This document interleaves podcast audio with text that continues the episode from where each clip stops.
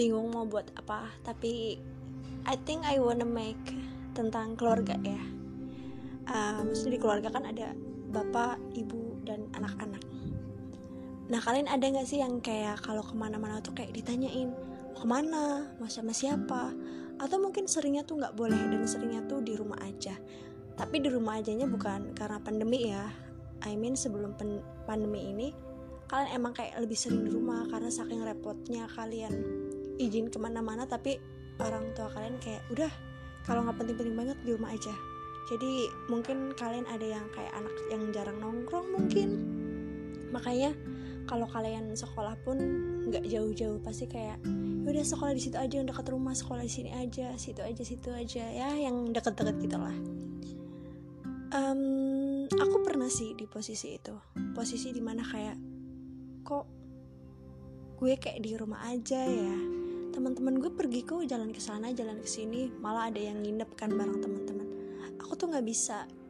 Kayak susah gitu. Kayak izin tuh kalau nggak bener-bener perlu tuh enggak gitu. Sampai akhirnya um, aku mikirkan kayak kalau misalnya kayak gitu terus um, aku bakal dapat sedikit pengalaman mungkin karena saking terbatasnya akses aku buat keluar rumah aku bilang ini bukan yang nggak baik ya ini baik. Ini tuh apa ya tanda bahwa kekhawatiran orang tua itu benar-benar rasa sayang ya sayang banget gitu ke kalian gitu sebagai anak. Tapi uh, maybe kalau yang over banget juga nggak baik ya. Nah tapi kan kita nggak mungkin kayak nyalahin orang tua kan. Jadi kita mungkin yang harus punya cara gimana sih orang tua tuh bisa percaya bahwa kita tuh kalau di luar baik-baik aja loh nggak apa-apa. It's okay gitu jangan jangan jangan khawatir. Sampai akhirnya pas gue masuk kuliah uh, pas uh, gue masuk kuliah gue tuh mulai kayak gimana ya biar gue bisa bertanggung jawab kalau gue di luar baik-baik aja.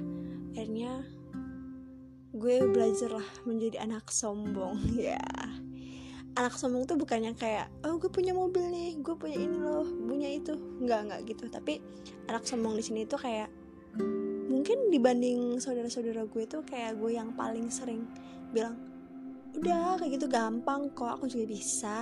Ah kayak gitu doang. Udah di sini aku juga bisa. Tenang nggak usah khawatir aku bisa. Aku tuh paling sering ngomong kayak gitu di keluarga aku. Karena apa ya mungkin kelihatannya kayak jokes ya kayak bercandaan kidding gitu kan. Tapi itu tuh bener-bener kayak aku mau bilang ke bapak sama ibu bahwa aku tuh bisa. Contohnya um, kayak aku ikut suatu perlombaan mungkin di tingkat nasional ya. Kan kebetulan aku dapat beasiswa. Aku ikut perlombaan. Nah aku bilang pak saya harus keluar kota karena ada satu perlombaan dan saya menjadi delegasi. Ya udah saya harus berangkat gitu Nah orang tua mungkin mikirnya kayak ih gila jauh banget ya anak gue. Keluar kota kan keluar pulau naik pesawat sendirian gitu kan. Tapi ketika ingat bahwa oh anak gue punya tanggung jawab loh. Dia megang suatu lembaga atau instansi yang uh, menang mengamanahkan dia untuk bisa ikut kompetisi itu. Mau nggak mau kan orang tua gue ya harus ngelau gue harus ngebolehin gue gitu. Awalnya pasti berat hati banget gitu. Tapi pas gue bilang tenang aja ada temen kok uh, ada yang nganterin kok ada yang ini kok ada temen di sana ada ini ada kenalan segala macem akhirnya aku dibolehin kan. Dan itu berlanjut uh, satu kompetisi dua kompetisi tiga kompetisi. Jadi intinya ketika kalian keluar kalian harus bisa kasih output kayak misalnya oke okay, ada perlombaan. Mungkin itu kelihatannya kayak ah susah banget mau keluar harus ada perlombaan. Seenggaknya itu ngebuktiin orang tua kalian bahwa apa yang kalian lakukan itu bener-bener bagus gitu. Good buat kamu pendidikan kamu prestasi kamu itu tuh bagus gitu. Jadi jangan sampai nggak ada outputnya sama sekali. Terus uh, dalam hal finance ya. Aku kan udah semester 7 dari semester 5 tuh aku udah berusaha kayak udah nggak usah dikirimin nggak apa-apa aku bisa aku bisa. Aku tuh kayak oh gue nggak mau apa ya nggak mau jadi beban nih buat orang tua. Jadi gue harus kayak punya pekerjaan tambahan entah itu part time atau apalah yang semacamnya gitu. Jadi gue selalu bilang sama orang tua kayak oh nggak apa-apa jangan khawatir aku tuh punya gitu. Karena saking pengennya aku nggak jadi beban orang tua gitu. Intinya orang tua nggak usah mikirin aku karena I will be fine aku bakal baik-baik aja. Itu sih ketika kalian yakin orang tua kalian bakal baik-baik aja Tuhan tuh pasti denger kalian dan bantu mengaminkan itu gitu. Asalkan kaliannya bener-bener do something best buat orang tua pasti orang tua juga paham. Jadi bukan yang sombong kayak ya mamerin sesuatu ke orang lain ya tapi sombong bahwa meyakinkan orang tua bahwa kita bakal baik-baik aja it's good sih I think.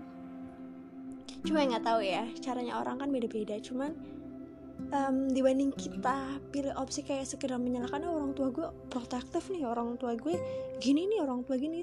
I think itu kayak nggak bakal pernah habis gitu. Masalah-masalah gitu nggak pernah habis. Jadi kalian tuh harus punya trik yang bisa menumbuhkan pemahaman ke orang tua kalian bahwa kepercayaan yang mereka kasih ke kalian itu nggak apa-apa kok bagus-bagus aja kok gitu.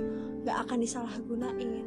Jadi ya um, kalau misalnya cara-cara itu udah dilakuin terus orang tua kalian uh, masih tetap nggak percaya ya diterusin aja gitu.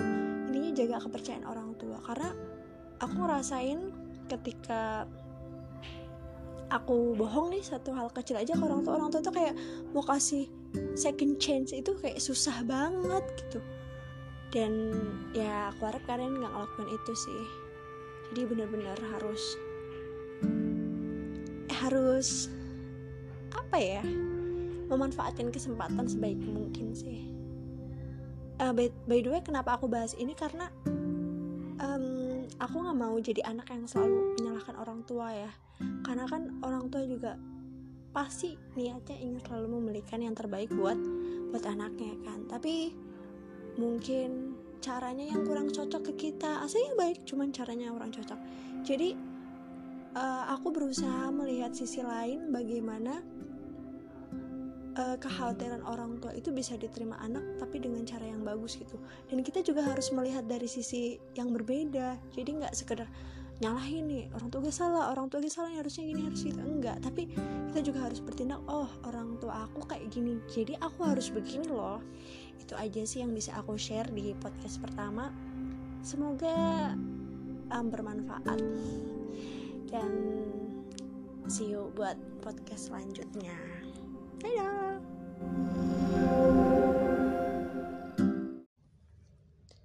Apa kabar semesta C lama banget yang udah gak pernah saling denger. Oke deh Biar kita saling denger Aku mau sharing sesuatu nih buat kalian. Ternyata bener ya Semesta itu selalu bisa menjadi seleksi alam. I mean bukan semestanya sih Tapi waktu. Jadi tanpa kita sadarin waktu itu bener-bener nyaring orang-orang yang ada sekarang. And trust me jadi kayak percaya di sama aku. Orang-orang yang ada sekarang sama kalian yang masih bertahan sama kalian itu adalah orang-orang terbaik. Jujur aku sebenarnya bukan tipe orang yang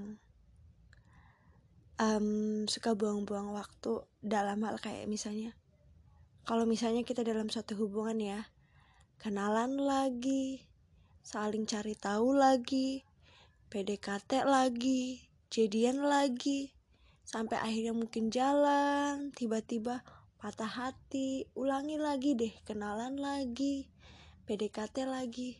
Kayak capek gak sih lama-lama di proses yang kayak gitu apalagi di umur kita yang setiap harinya itu ya pasti bertambah. Pun dalam hal-hal orang yang terdekat tuh kayak gitu juga. Aku cuman nggak mau ya kayak pemikiran aku buat cari orang yang mau bertahan dan paham kita yang kayak gimana kan pasti butuh waktu. Dan kayaknya kalau misalnya aku harus kenal orang baru apa iya sudah bisa menjamin bakal bertahan sama semua keegoan kita, sama semua keakuan kita. ya karena aku tahu setiap orang pasti punya keakuannya tersendiri ya gak sih sampai akhirnya ada nih ya salah satu orang terdekat aku yang milih buat milih pergi sama pasangannya dibanding teman-teman terdekatnya apa pun itu kalian mau bilang itu best friend lah itu sahabat lah it's okay. Awalnya jujur kecewa. Karena nggak nyangka aja tiga bulan yang dia miliki sama pacarnya itu ternyata bisa ngeyakinin kita meyakinkan dia buat pergi daripada orang-orang yang udah bertahan sama dia bahkan lebih dari tiga tahun. Enam tahun? Lebih make sense gak sih? Kayak what? Waktu tiga tahun dia bisa nyingkirin kita teman-teman terdekatnya cuma hanya dengan waktu tiga bulan. Oh my god. Tapi pada akhirnya aku sadar sih kita nggak bisa gitu. Nggak ada jaminan bahwa waktu bisa ngungkapin semua hal tentang seseorang itu ke kita. Karena pada dasarnya setiap detik itu pasti ada sesuatu yang bergeser.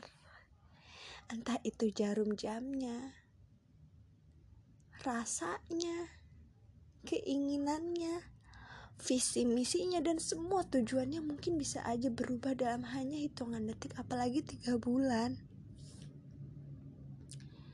Dan aku juga sekali lagi sadar bahwa oh mungkin selama ini aku yang merasa dekat sama dia ternyata nggak sedekat itu gitu. Ada orang yang lebih paham dia dan dia merasa dipahami untuk itu. Dan rasa marah yang itu akhirnya jadi sesuatu kayak yang sedih aja gitu. Aku sedih sama diri aku sendiri karena aku merasa egois aku sedih karena aku ngerasa nggak bisa mempertahankan salah satu orang terbaik yang aku punya. Karena mungkin aku yang nggak sadar sama keakuan aku waktu itu. Sampai ada masa di mana aku bilang sama temen deketku yang lain kok gue kangen dia ya?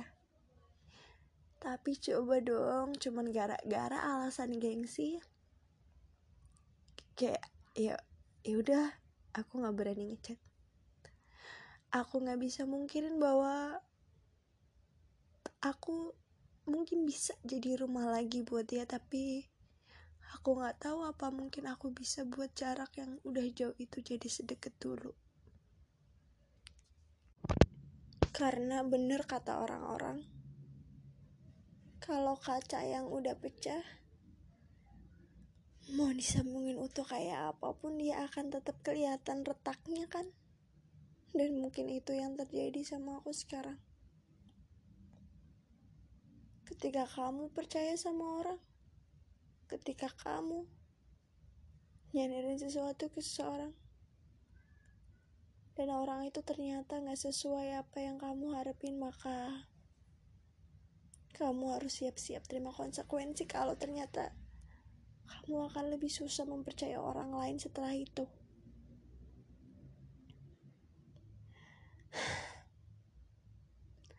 andai kalau aku bisa milih mungkin sejak sebelum ini